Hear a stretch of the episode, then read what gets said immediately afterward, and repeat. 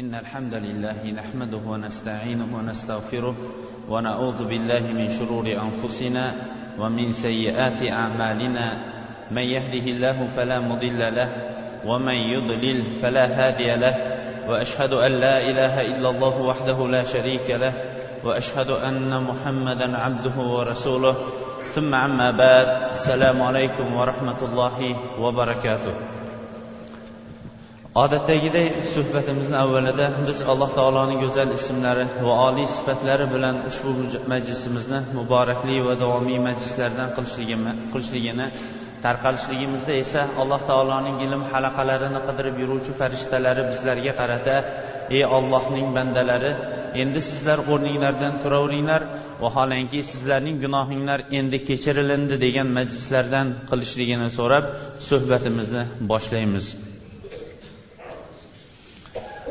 Imom dahabiy rahimaullohning al kabair gunohi kabiralar deb nomlagan kitobining to'rtinchi gunohi kabira namozni tark qilishlik haqidagi gunohi kabira tartibiga kelganligimiz uchun ham inshaalloh mana bugundan boshlab namoz va namozga taalluqli bo'lgan masalalarga bir oz vaqt to'xtashlikni munosib deb ko'rdik.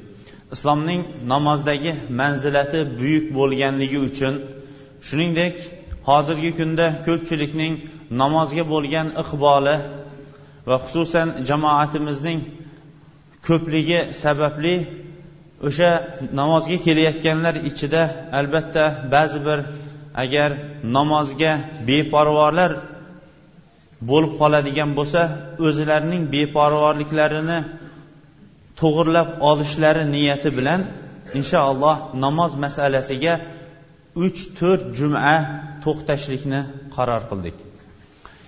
Imom zahabiy rahimaulloh to'rtinchi gunohi kabira namozni tark qilishlik deb turib to'rtinchi gunohi kabiraga tartiblashtirgan bo'lsa biz namozni tark qilishlik gunohini bu juma emas kelguvchi jumaga bayon qilishlikni munosib deb turib bugungi jumaga inshaalloh namoz va namozning fazilatlari va boshqa amallardan ko'ra xususi haqida xususiyatlari haqida to'xtashlikni munosib deb ko'rdik. Namoz qur'oni karimda va payg'ambarimiz sollallohu alayhi vasallamning hadislarida namozning lug'aviy ma'nosi duo degan ma'noni anglatishligi haqidagi mana bu oyat va hadislar shunga dalolat qilar ekan lug'aviy ma'nosini alloh subhanahu va taolo qur'oni karimda خذ من أموالهم صدقة تطهرهم وتزكيهم بها وصل عليهم إن صلاتك سكن لهم والله سميع عليم deydi ya'ni ularning mollaridan zakotlaridan oling. Mollaridan olingan zakotlar ularni poklaydi va ularni duolaringiz bilan ularni poklang va ularga duo qiling. Albatta sizni duoyingiz ular uchun xotirjamlik bo'ladi. Alloh taolo eshitguvchi va bilguvchi zotdir degan oyatning tafsirida payg'ambarimiz sollallohu alayhi vasallamga va solli alayhim ya'ni ularga duo qiling degan ma'noni anglatadi degan ekan mufassirlar.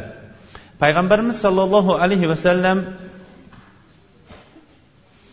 imom muslim rivoyat qilgan hadisda ida duiya ahadukum falyajib ida duiya ahadukum falyujib fa in kana sa'iman falyusalli va in kana muftiran falyut'im. Agar birontangiz biron bir to'yga chaqiriladigan bo'lsangiz ijobat qiling ya'ni boring.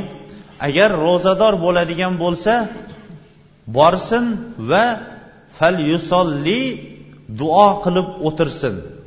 Agar og'zi ochiq bo'ladigan bo'lsa taomidan tanovul qilsin dedi. Mana bu hadisda payg'ambarimiz sollallohu alayhi vasallam fal yusolli lafzi bilan ya'ni duo qilsin deb turib namozning duo lug'aviy ma'nosi duo ekanligini bayon qilib berdi. Va shuningdek payg'ambarimiz sollallohu alayhi vasallamga salovat aytishlikda ham auzu billahi minash shaytonir rojim innalloha va malaikatahu yusalluna ala nabiy ya ayyuhallazina amanu sallu alayhi va sallimu taslima. Ya ayyuhallazina amanu sallu alayhi vasallimu taslima oyatini ham va alloh taoloni innalloha va malaikatahu yusalluna ala nabiydagi yusalluna kalimasini ba'zi mufassirlar duo deydigan bo'lsa ba'zi mufassirlar mufassirlar sanauhu ya'ni alloh taoloning maqtashligi degan ekan. Lekin shariatdagi namozning ma'nosini ulamolarimiz aytgan ekanki عبادة لله ذات أقوال وأفعال معلومة مخصوصة مفتتحة بالتكبير مختتمة بالتسليم ma'lum bo'lgan gaplar va ma'lum bo'lgan maxsus xos bo'lgan amallardan iborat bo'lgan ibodat takbir bilan boshlanadi va salom bilan tugallanadigan ibodat deb nomlagan ekan alloh subhanava taolo bu namozni insonlarga farz qilishligini esa avvalambor qur'oni karimda keyin payg'ambarimiz alayhissalomni sunnatlarida va ummat unga ijmo ekanligi kitob va sunnat bilan va ijmo bilan sobitdir alloh subhanava taolo qur'oni karimda auzu billahi minash shaytonir rojim وما أمروا إلا ليعبدوا الله مخلصين له الدين حنفاء ويقيموا الصلاة ويؤتوا الزكاة وذلك دين القيمة ular buyurilgan narsalari xolis va yolg'iz dinni xolis olloh uchungina ibodat qilishliklari shirkdan moyil bo'lgan holatda xolis allohga ibodat qilish uchun va namozni barpo qilishliklari va zakotni o'tashliklari uchun buyurilindi. Va mana bu qoyim bo'lgan din mana shudir deb alloh subhanava taolo buyuryapti. Boshqa oyatda esa alloh subhanava taolo inna solata kanat alal mu'minina kitaban mavquta albatta namoz mo'minlar uchun o'z vaqtida farz qilindi deb turib bu oyati karimada ham mo'minlar uchun o'z vaqtida namoz o'qishlik farz ekanligini bayon qilyapti. Boshqa oyatda esa va aqimus sola va atuz zaka va bu lafz bilan kelgan mana bu oyat nihoyatda ko'p o'rinlarda kelgan namozni barpo qilinglar va zakotni o'tanglar ammo payg'ambarimiz sollallohu alayhi vasallamdan namozning farzligi haqidagi hadislar nihoyatda ko'p kelgan o'shalardan muaz ibn jabal roziyallohu anhuni yamanga jo'natayotgan vaqtda وأعلمهم أن الله افترض عليهم خمس صلوات في كل يوم وليلة أخرجه البخاري va ularga bildiring dedi payg'ambarimiz sollallohu alayhi vasallam. Yamanga borganingizda ularga bildiring alloh taolo ularga har kecha kunduzda besh vaqt namozni farz qilganligini bildiring dedi. Yana muttafaqun alayh bo'lgan hadisda hadisni roviysi ibn umar roziyallohu anhu ani nabiy sollallohu alayhi vasallam annahu qol بني الإسلام على خمس شهادة أن لا إله إلا الله وأن محمدا رسول الله وإقام الصلاة وإيتاء الزكاة وصيام رمضان وحج بيت الله الحرام من استطاع إليه إليه سبيلا islom beshta ustun ustiga qurilindi birinchisi ollohdan o'zga ibodat qilishlikka haqli zot yo'q deb guvohlik berishlik va muhammad sollallohu alayhi vasallam u kishi u zotning elchisi deb guvohlik berishlik namozni barpo qilishlik zakotni o'tashlik ramazon oyida ro'za tutishlik va qodir bo'lsa haj qilishlik deb turib rasululloh sollallohu alayhi vasallam bu hadisda islomning asoslarining bittasi namoz ekanligini bayon qildi. Ubodat ibn somit roziyallohu anhu rivoyat qilgan hadisda aytadiki قال سمعت رسول الله صلى الله عليه وسلم يقول خمس صلوات كتبهن الله على العباد فمن كان بهن لم يضيع منهن شيئا استخفافا بحقهن كان له عند الله أهدى أن يدخله الجنة. الحديث أخرجه أبو داود وصححه شيخ ألباني رحمه الله. Besh vaqt namozni alloh subhanahu va taolo deydi rasululloh alayhissalom bu hadisda. Bandalariga farz qildi. Kim ularni yengil sanab zoyi ketkazmasdan o'z vaqtida ado qiladigan bo'lsa alloh subhanahu va taoloning oldida bir ahd borki bu kishini jannatga kirishlikka alloh taolo ahd berdi deyapti. Ammo namozning farzligi haqida ummatning hammasi ham ijmo qilishgandir. Ummatning ijmo qilishganligi haqida nihoyatda ummatlarning hammalari ham namoz ijmo bilan farz bo'lganligi haqida hammalari ham ittifoq qilishgan. Namozning islomdagi o'rni nihoyatda buyukdir. Shuning uchun ham rasululloh sollallohu alayhi vasallam uni islomdagi dinning ustuni deb nomladi. Muaz ibn jabal roziyallohu anhu rivoyat qilgan hadisda rasululloh sollallohu alayhi vasallam rosul amri al islam va amuduhu as sola va zurbati sanamihi al jihad ravohu termiziy hadisun hasanun sahih. Rasululloh sollallohu alayhi vasallam aytdiki bu hadisda ishning boshi islomdir dedi. Ammo uning ustuni esa namozdir va uning eng cho'qqi poyasi esa olloh yo'lidagi g'azotdir dedi.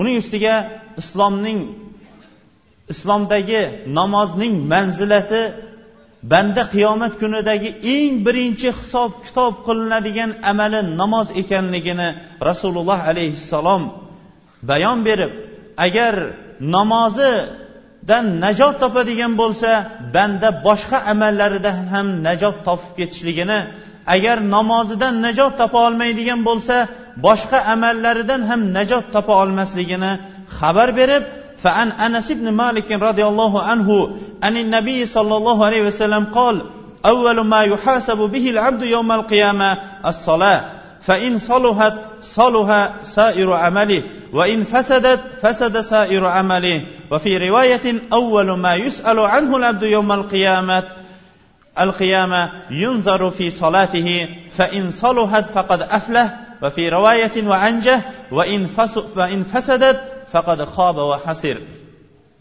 rasululloh sollallohu alayhi vasallam aytdilarki qiyomat kunida banda eng birinchi hisob kitob qilinadigan amali namoz bo'ladi agar namozidan najot topib ketadigan bo'lsa namozidan najot topadigan bo'lsa bu banda boshqa amallaridan ham najot topib ketadi Agar namozidan najot topa olmaydigan bo'lsa boshqa amallaridan najot topa olmaydi. Boshqa rivoyatda esa eng birinchi banda so'raladigan narsa qiyomat kunida uning namozi ko'riladi. Agar namozi durust bo'lib namozida imtihondan o'tadigan bo'lsa najot topadi degan ekan. Agar najot topolmay qoladigan bo'lsa namozidan haqiqatdan ham ziyon ko'ribdi va umidsiz bo'libdi dedi. وعن تميم الداري رضي الله عنه مرفوعا أول ما يحاسب به العبد يوم القيامة صلاته.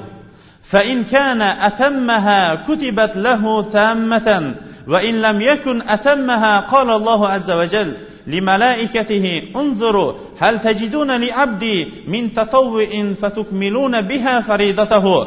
ثم الزكاة كذلك ثم تؤخذ الأعمال على حسب ذلك. Bu hadisda rasululloh sollallohu alayhi vasallam aytdilarki banda qiyomat kunida eng birinchi hisob kitob qilinadigan narsasi uning namozi bo'ladi. Agar namozini to'liq ado etgan bo'lsa unga to'liq to'liq savoblari to'liq bo'lib yoziladi. Agar namozi to'liq bo'lmaydigan bo'lsa alloh taolo o'zining fazlu karami va rahmati bilan farishtalarga aytadiki qaranglar bandamning nafl ibodatlari bormi? Nafl ibodatlari bilan to'liq bo'lmagan o'rnini to'ldirib yuboringlar farzlaridan deydi. Va nafl ibodatlari bo'lsa uning tarozusini og'ir og'ir qilishligi uchun farz amallariga qo'shilib noqis o'rinlari to'ldiriladi.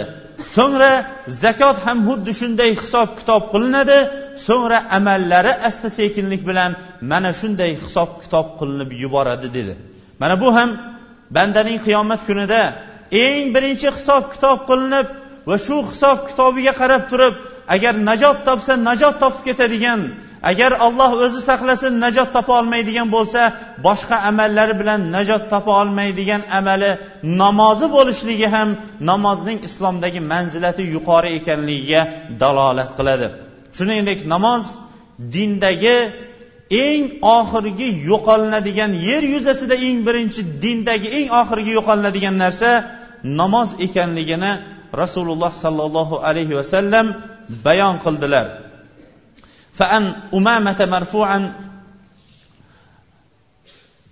لتنقضن أرى الإسلام أروة عروة فكلما انتقضت عروة تشبث الناس بالتي تليها فأولاهن نقضا الحكم وأخراهن الصلاة رسول الله صلى الله عليه وسلم o'n besh asr avval qo'rqmasdan gapirgan gaplarining nutqlarining hammasi vahiy bo'lib turganligi uchun ham qo'rqmasdan qiyomatga yaqin bo'ladigan har qanaqa oldindan bo'ladigan xabarlarni ayta olar edi.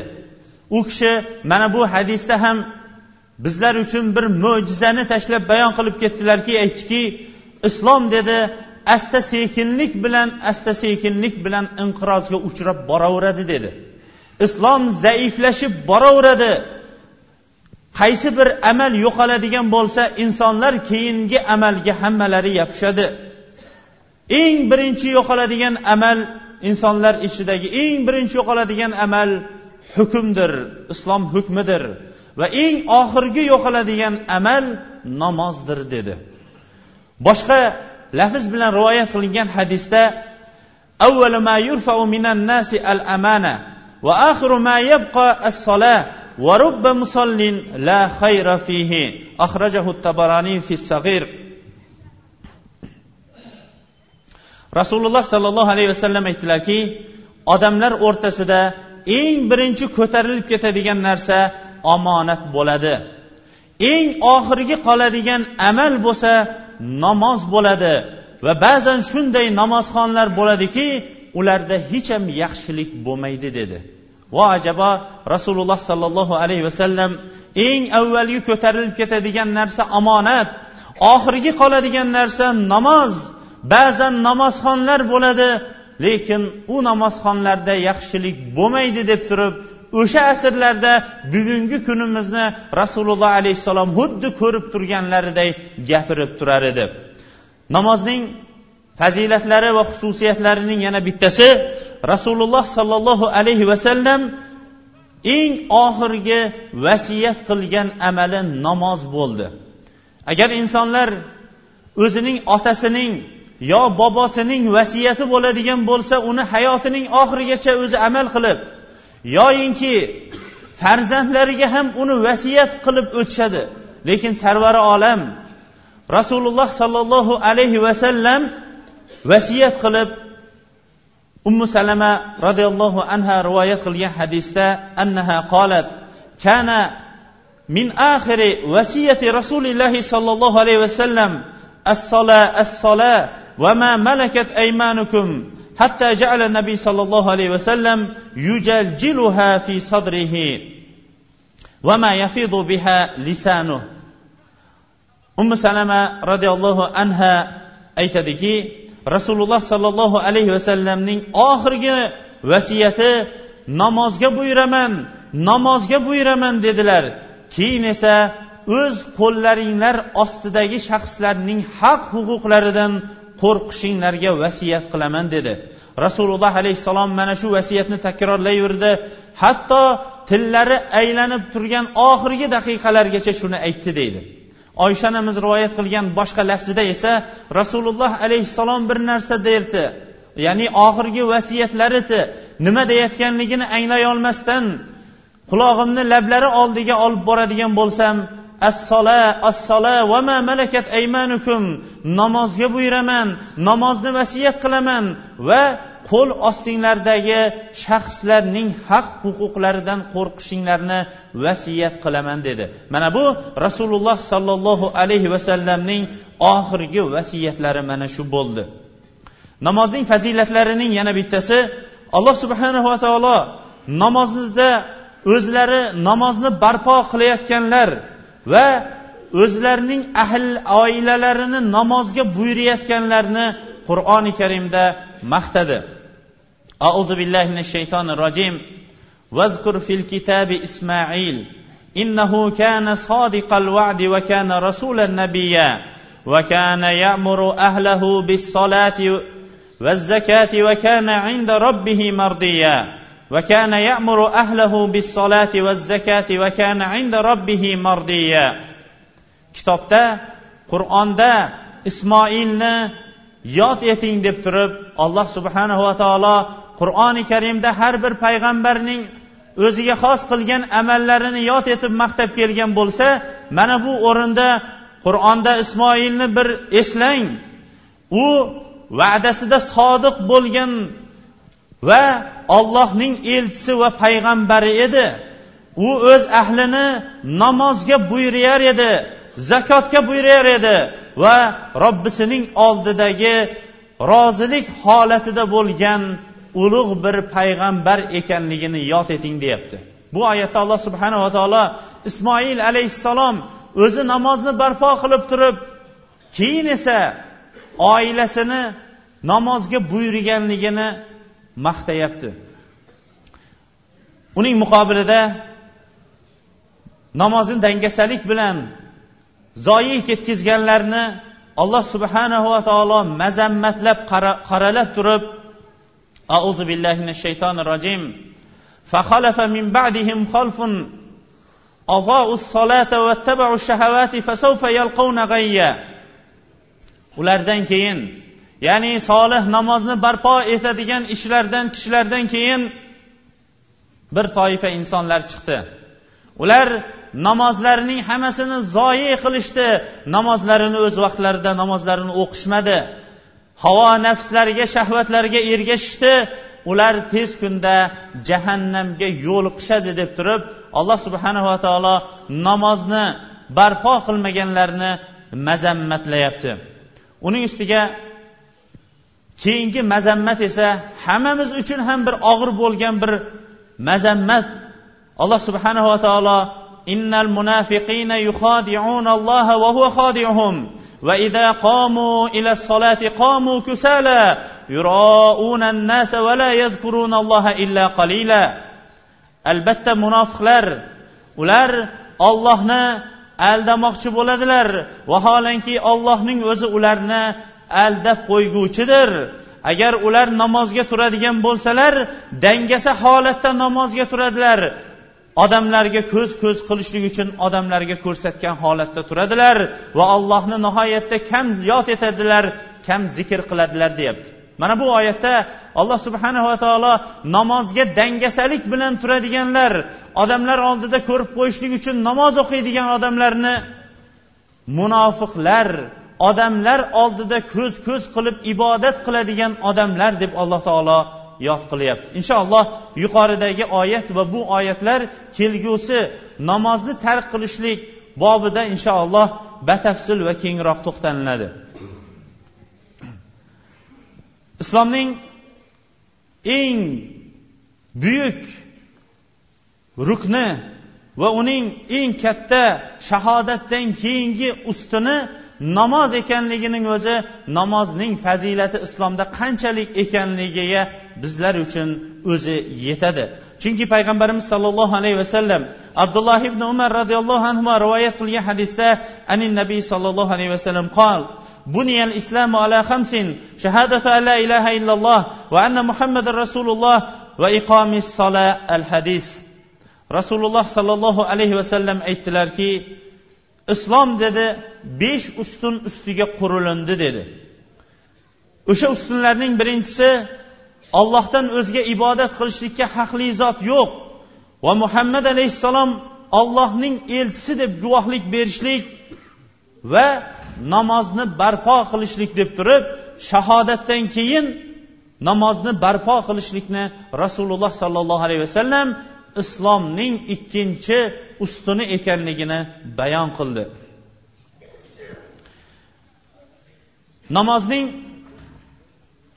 ulug'ligi manzilati yuqoriligi namoz farz qilinayotgan vaqtda bevosita har bir amallarda vosita bo'lib turgan jibril alayhissalomning vositasisiz bevosita farz qilinganning o'zi ham namozning islomdagi manzilati yuqori ekanligiga dalolat qiladi.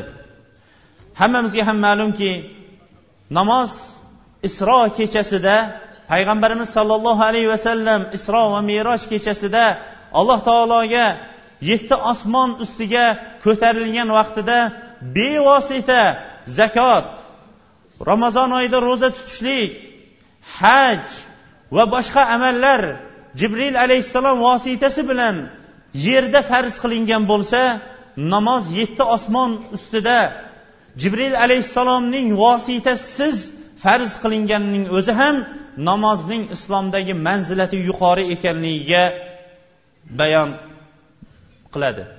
Shuningdek namozning yana fazilatlarining yana bittasi besh vaqt namoz ellik vaqt namozdan afzal ekanligiga dalolat qiladi.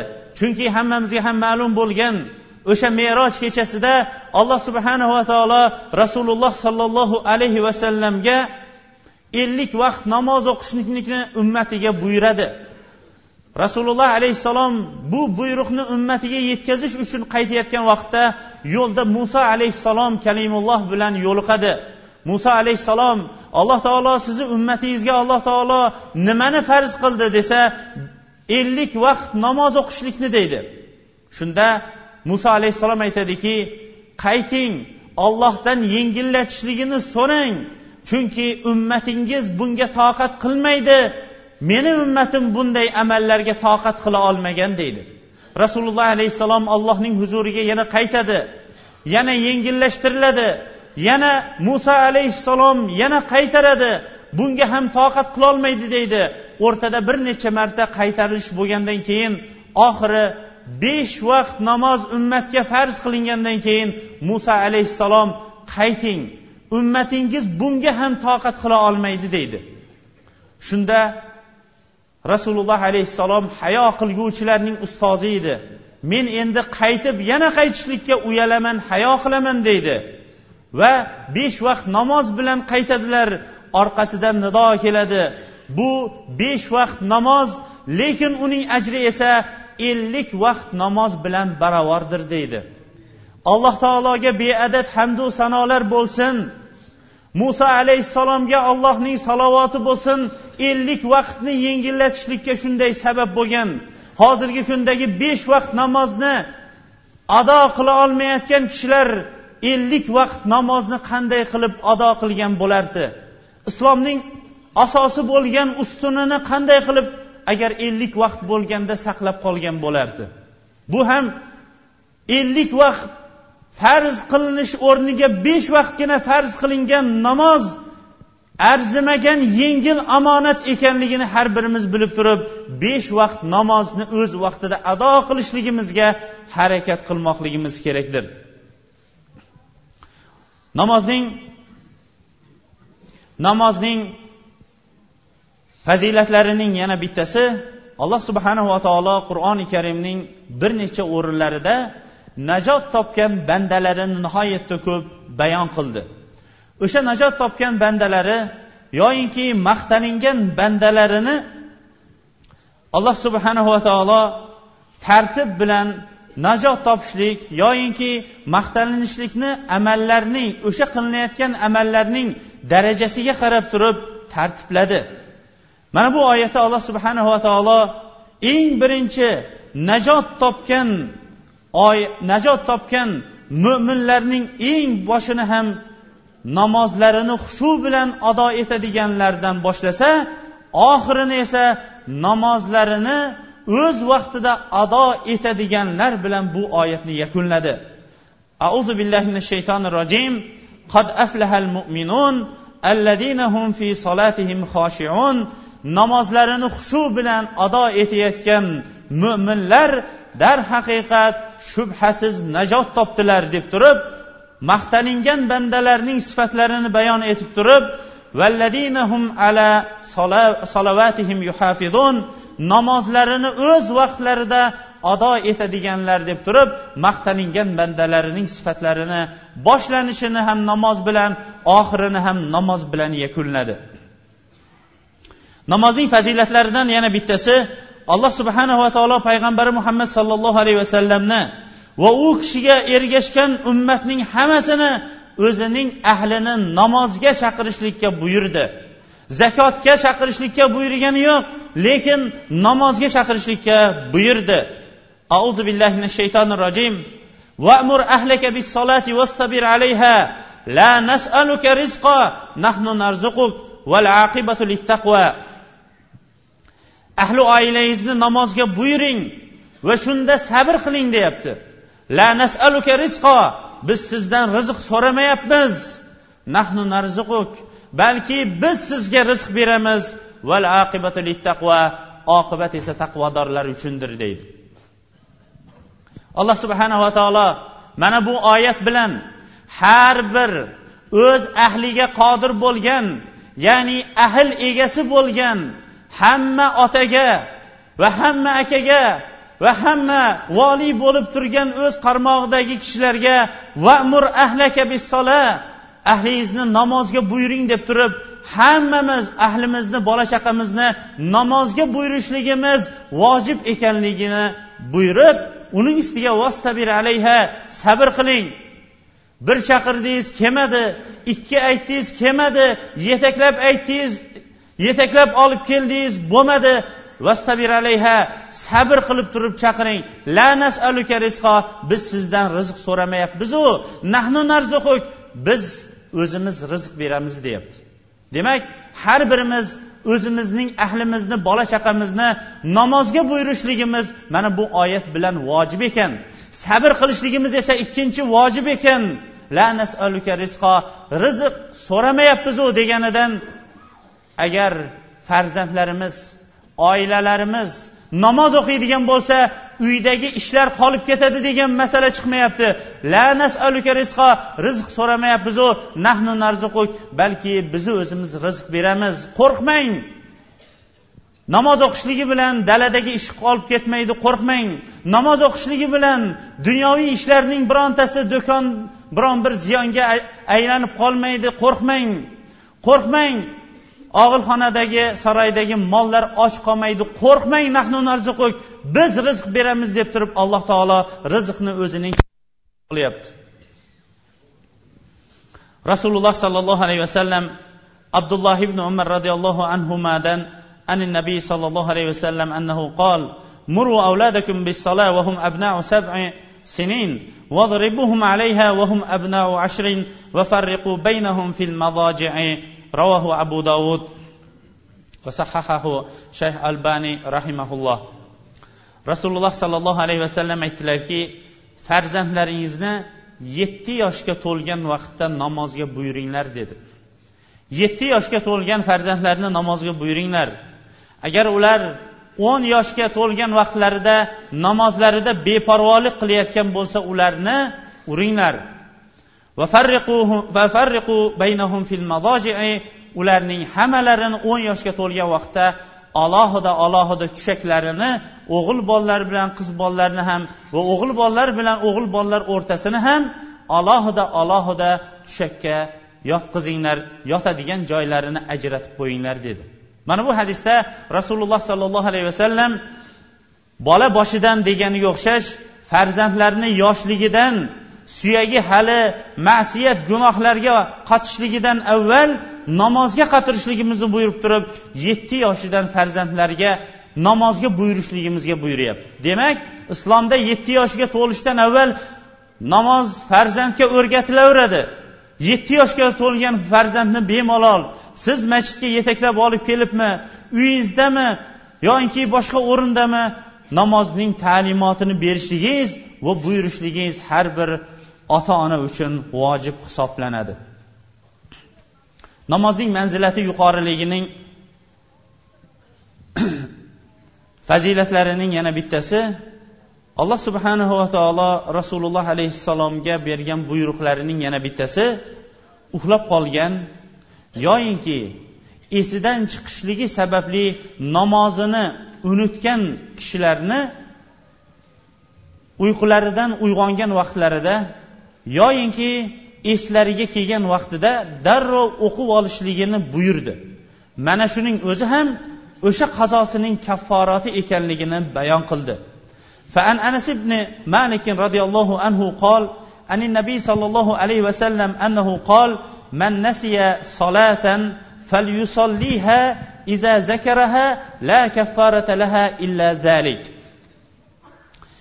وفي روايه لمسلم من نسي صلاه او نام عنها فكفارتها ان يصليها اذا ذكرها anas ibn malik roziyallohu anhu aytadiki rasululloh sollallohu alayhi vasallamdan kim biron namozni unutib qoladigan bo'lsa uni eslagan vaqtida darrov o'qib olsin o'sha darrov o'qib olishligining o'zi shuning kafforati bo'ladi deydi. Keyingi imom muslim rahimaullohning lafzida esa kim biron bir namozni unutib qoladigan bo'lsa yoyinki namozni uxlab qoladigan bo'lsa uning kafforati eslagan vaqtida darrov o'qib olishlikdir dedi. Boshqa bir lafzda la kaffarata laha illa zalik mana shugina uning kafforatidir dedi. Shuning uchun ham namozni o'qimaslikning ikkitagina uzri bor. Bu erkak kishilar uchun.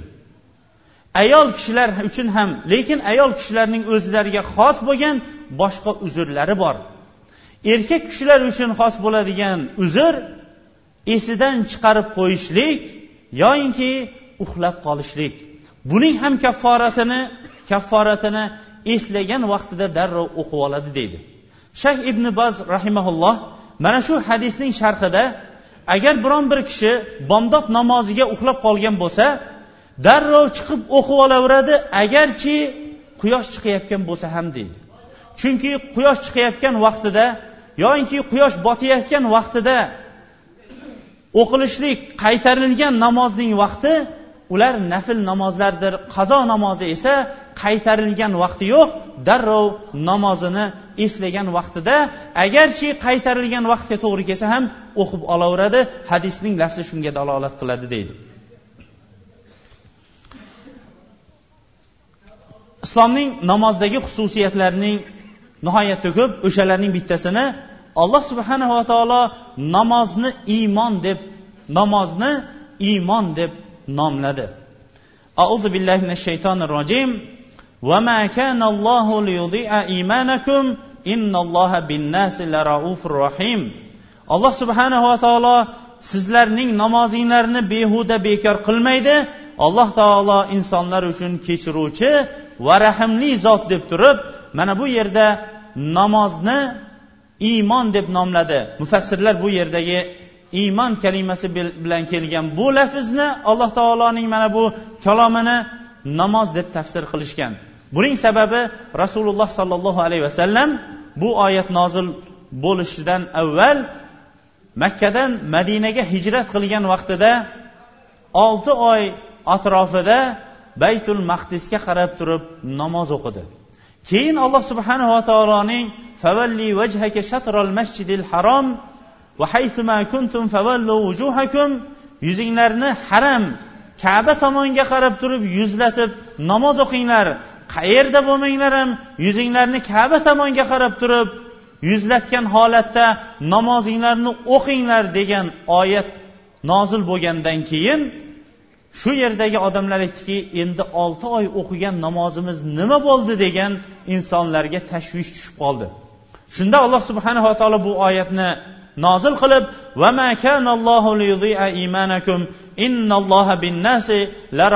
rahim. Alloh taolo sizlarning iymon ya'ni namozinglarni olti oy o'qigan namozinglarni behuda qilib yubormaydi. Alloh taolo insonlar uchun kechiruvchi va rahmli zotdir degan oyatni nozil qildi. Demak bu oyat bilan alloh subhanava taolo namozni iymon deb namozni iymon deb nomladi. Agar alloh subhanava taolo namozni iymon deb nomlayotgan bo'lsa savol tug'iladiki iymon bo'lgan namozimizning ahvoli qanaqa? Agar namozimiz yo'q deydigan bo'lsak olloh uni iymon deb nomlab turgan bo'lsa u bilan bizni ahvolimiz endi qanchalik?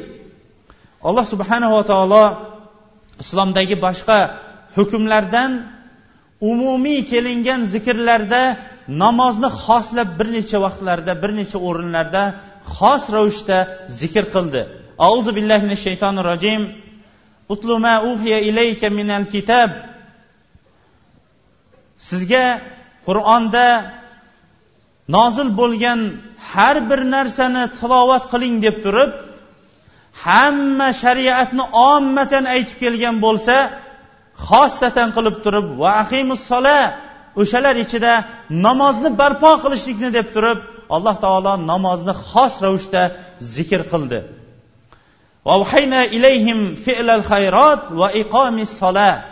Ularga biz yaxshi amallarni qilishlikni vahiy qildik buyurdik va namozni barpo qilishlikni deydi. Demak alloh subhanava taolo hamma amallarni umumiy ravishda bir marta zikr qilib namozni xosatan bir marta alohida undan keyin zikr qilishligi namozning islomdagi manzilati yuqori ekanligiga dalolat qiladi. Shuningdek qur'oni karimda namoz ko'p solih va savobli amallar bilan bog'lanib kelgan. Bittagina amal bilan emas bir necha amallar bilan bog'lanib kelgan. Va aqimus solata va atuz zakata varkau rokiin qul inna solati va nusuki va mahyaya va mamati lillahi robbil alamin. Mana bu oyatlarda alloh subhanava taolo ba'zisida namoz bilan zakotni bog'lab keladigan bo'lsa ba'zisida namoz bilan qurbonlikni bog'lab kelyapti. Ba'zisida esa namoz bilan har kuni qiladigan so'yimliklarni bog'lab kelyapti.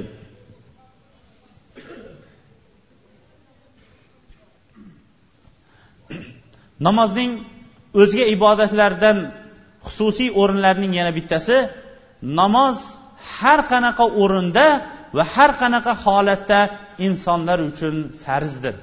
Ammo ramazon oyida ro'za tutishlik kasal bo'lgan va ro'za tutishlikka qodir bo'lmagan yoki musofir bo'lib safarida qodir bo'lmagan insonlar uzrlik hisoblandi. Xuddi shunga o'xshash hajga borishlik ham hajga borishlikka qodir bo'lmaganlar uchun hajga bormaslik ular borishlik ular uchun farz hisoblanmadi. Ammo namoz esa hamma o'rinda har qanaqa holatda xoh musofir bo'lsin xoh bemor bo'lsin xoh boshqa o'zlarining kasallik bemorlik davridagi har qanaqa holatda tik turib o'qiy olmaydigan kishi o'tirib o'qishligi o'tirib namoz o'qiy olmaydigan kishi yonboshlagan holatda namoz o'qishligi hatto harakat qila olmagan kishi imo ishora bilan namoz o'qishligi namozning boshqa o'rinlardan boshqa amallardan fazilati ulug' ekanligiga dalolat qiladi. U yetmagandek boshqa amallarda zakot ro'za hajda shart qilinmagan ahvollar namozda shart qilindi. O'shalardan tahorat olishlik liboslarini ziynatlashlik qiblaga yuzlanishlik va shunga o'xshash amallar boshqa rukunlarda shart qo'yilmagan bo'lsa namozda shart qo'yildi.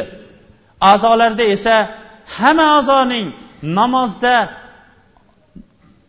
ibodat bilan bir bo'lishligi boshqa amallarda talab qilinmagan bo'lsa namozda qalb til va hamma a'zolar namozda ekanligini his qilishlik namozda talab qilindi.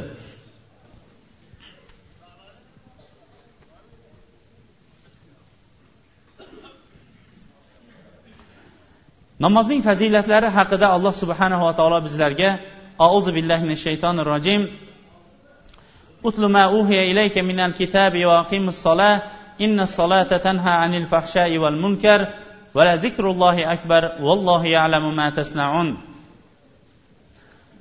siz qur'onda o'zingizga nozil qilgan narsalarni tilovat qilib bering va namozni barpo qilishlikni ham ularga tilovat qilib bering.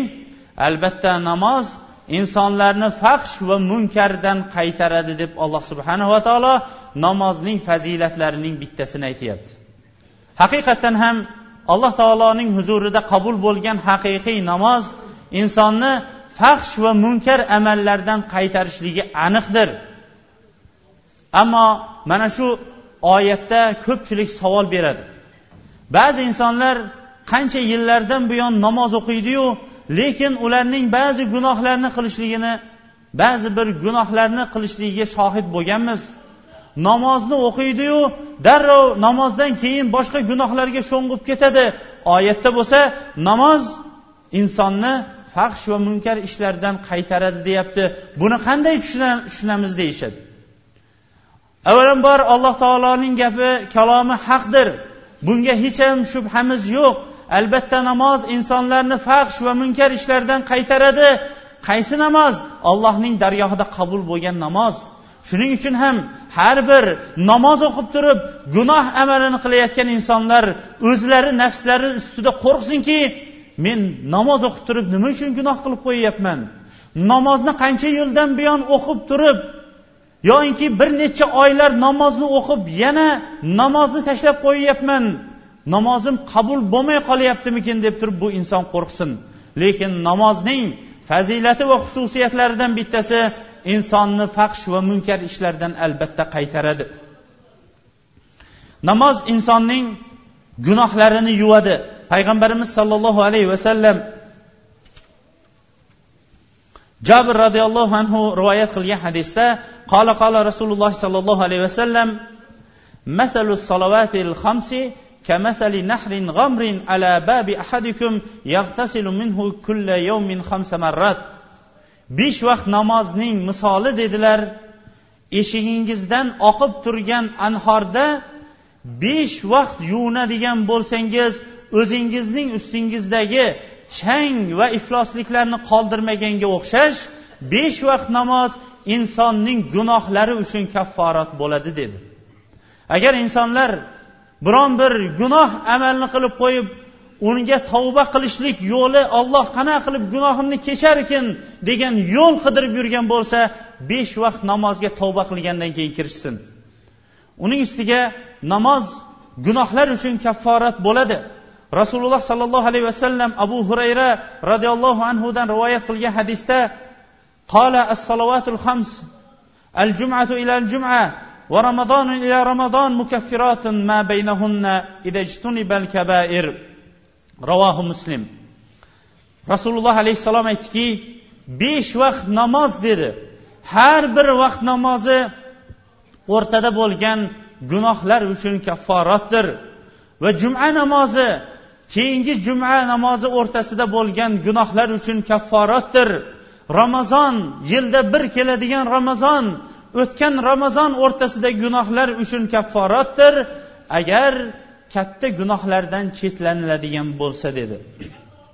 Namoz uning ustiga dunyo va oxiratda o'zining egasi uchun nur hisoblanadi.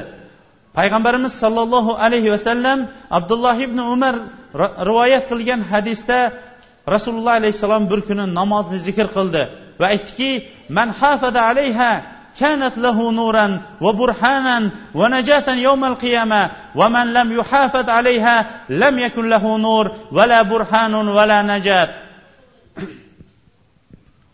الحديث kim namozni doim o'z vaqtida ado etadigan bo'lsa namoz u uchun nur va qiyomat kunida najot va hujjat bo'ladi dedi kim namozni o'z vaqtida ado etadigan bo'lsa namoz o'z egasi uchun nur bo'ladi hujjat bo'ladi va qiyomat kunida esa najot bo'ladi.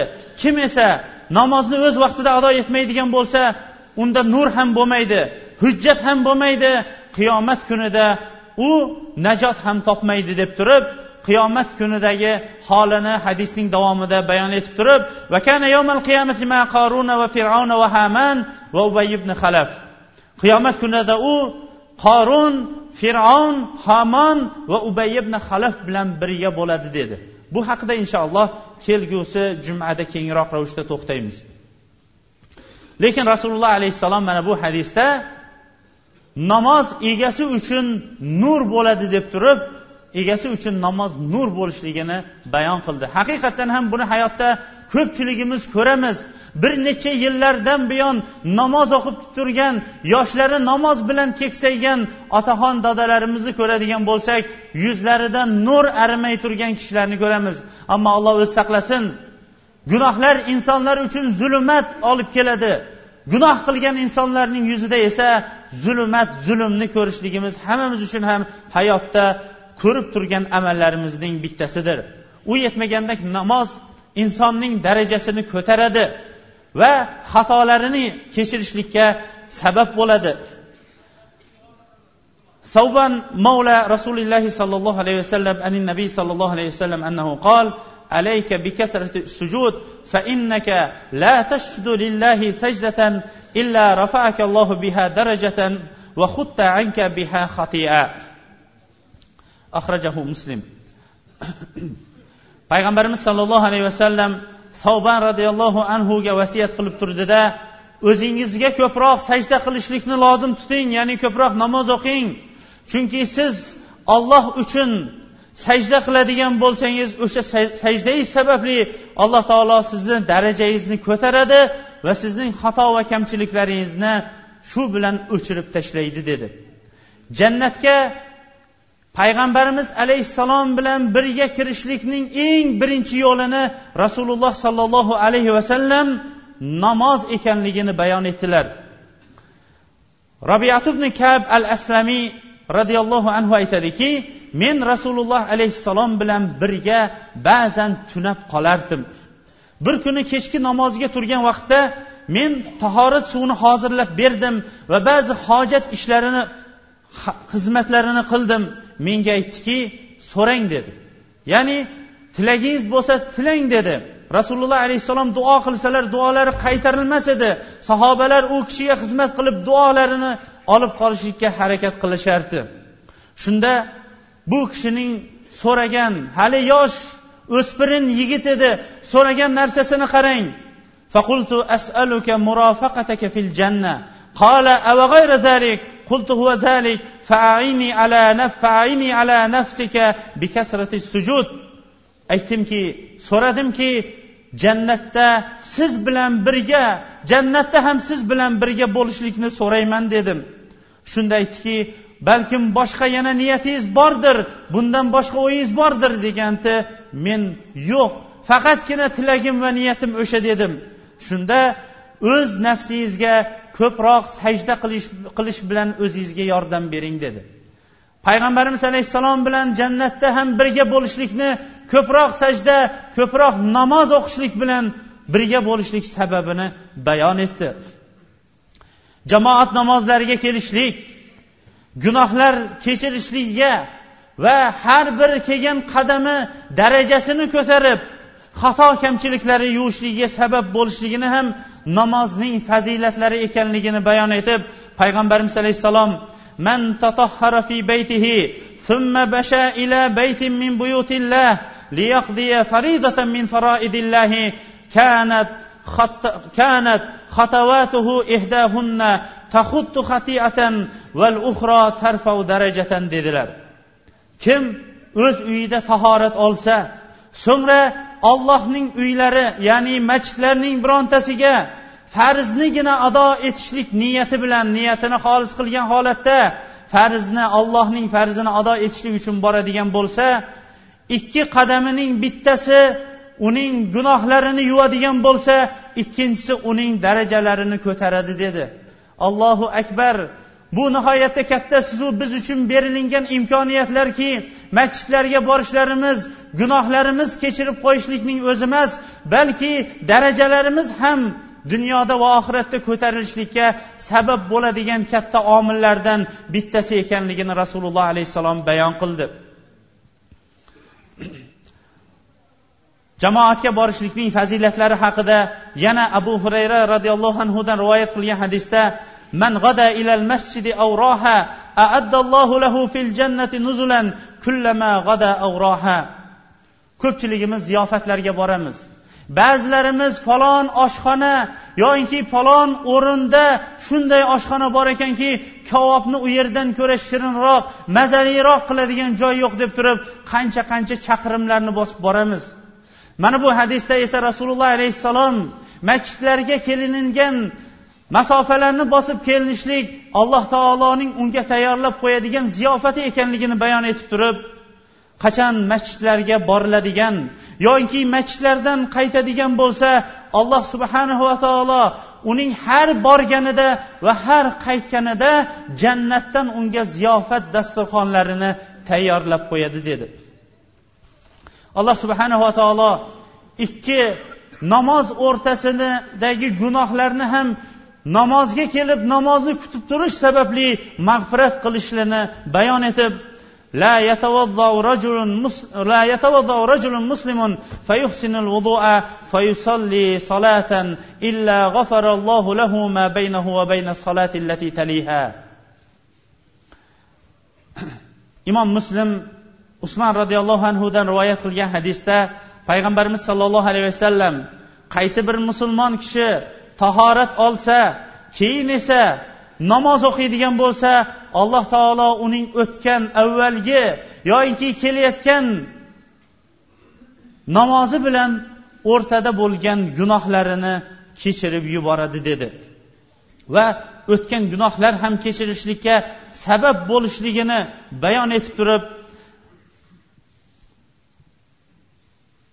ما من امرئ مسلم تحضره صلاة مكتوبة فيحسن وضوعه وخشوعه وركوعه إلا كانت كفارة لما قبلها من الذنوب ما لم يأتي كبيرة وذلك الدهر كله qaysi bir musulmon kishiga farz namozi bo'lib qoladigan bo'lsa ya'ni farz namozi vaqti kirib qoladigan bo'lsa u kishi namozida shart bo'lgan tahoratini to'lig'i bilan oladigan bo'lsa xushu huzu bilan rukularini ado etib namozini o'qiydigan bo'lsa uning o'tgan gunohlari uchun agar katta gunoh qilib qo'ymaydigan bo'lsa boshqa gunohlari uchun bu kafforat bo'ladi va bu yil bo'yi davom etaveradi dedi. Uning ustiga rasululloh sollallohu alayhi vasallam namozni kutib turgan namozni kutib turgan insonlar uchun o'zining eng gunohlardan xoli bo'lgan gunoh qilishlik nima ekanligini bilmaydigan farishtalari salovat aytib duo qilib turishlik bayonini ham berdi. Namozning hamma ham fazilatlarini bu yerda aytishlikka vaqtimiz yetmasligi uchun ham mana shu o'rinda namozning boshqa islom arkonlaridan ko'ra fazilati va xususiyati haqida shu o'rinda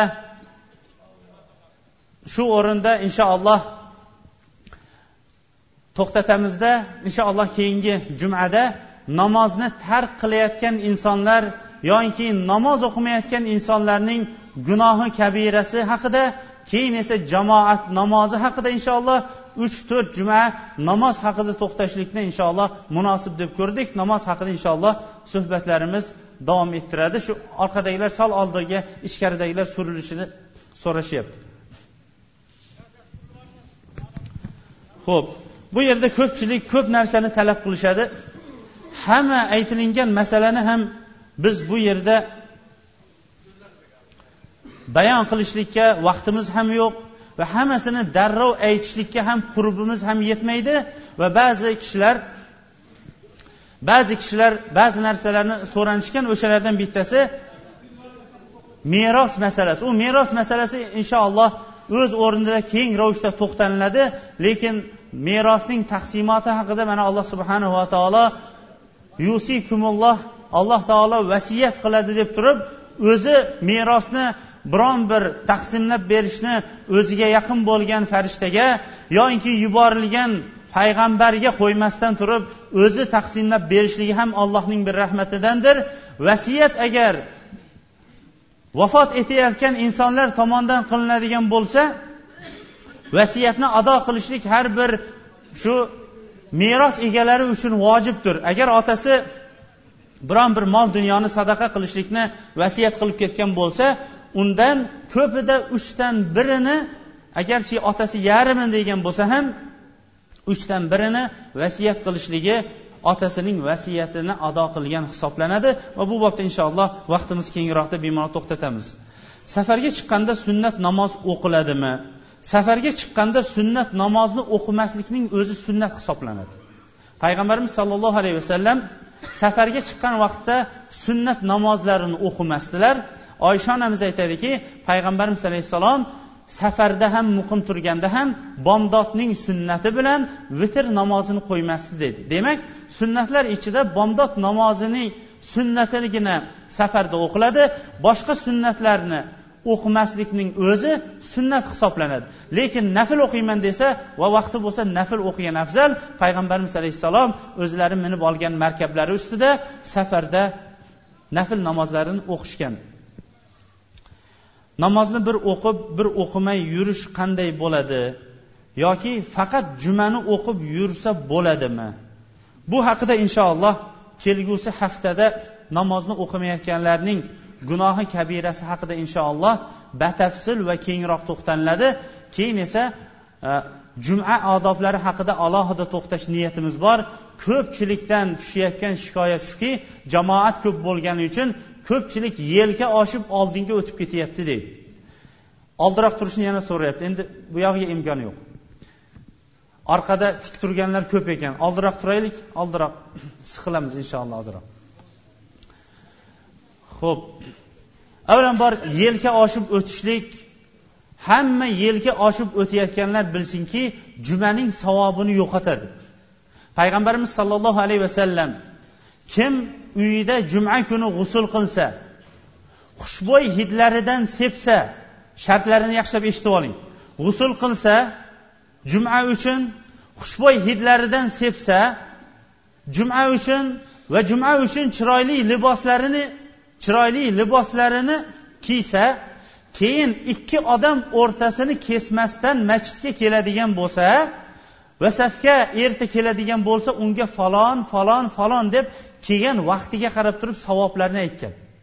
Kim ammo ikki odam o'rtasidan masjidda kesadigan bo'lsa va xosatan bu ikki odam o'rtasidan kesishlik yelka oshadigan bo'lsa bu o'sha jumaning savobidan qoladida quruq shu savobsiz bo'lgan jumaning xullas jumaning savobini olmagan holatda qaytadi. Kim oldiroqqa kelib o'tiraman desa jumaga ertaroq kelsin payg'ambarimiz alayhissalom sulayk al g'atafani roziyallohu anhu payg'ambarimiz alayhissalomga yaqinroq kelaman deb turib sahobalarning yelkasidan oshib o'tayotgan vaqtida xutbasini to'xtatib aytdiki azayta odamlarga ko'p aziyat berib yubordingiz joyingizda qoling deb turib buyurdi. Shuning uchun ham mana bu juma kuni xosatan yelka oshib odamlarga ozor berishlik odamlarning ham ozor berishligi ham o'zining savobsiz qolishligiga sabab bo'ladi. Bemorlar bor ekan shu bemorlarga duo qilishlikni yana so'rashibdi. Duo qilaylik. Alhamdulillah vassalotu vassalamu ala rasulilloh alloh subhanahu va taolo hammamizni ham amallarimizni o'zi isloh qilsin. Namozni mana fazilatlarini o'tdik. Mana shu fazilatlarini eshitganimizdan keyin shu fazilatlarga ega bo'ladigan ravishda namozda sobit qadam bo'laylik. Hozirgi kunda qishlog'imizda bo'lsin boshqa joylarda bo'lsin masjidlarimizning hammasi ham to'la to'la bo'lib turibdi. Mana shu to'la to'laligi to qiyomatgacha bardavom bo'lsin.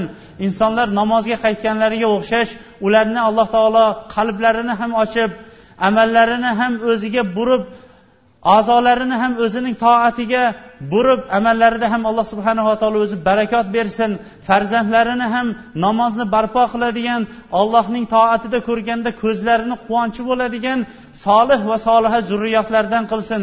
Alloh subhanava taolo namozga yangi kelayotganlarning qadamlarini sobit qadam qilsin.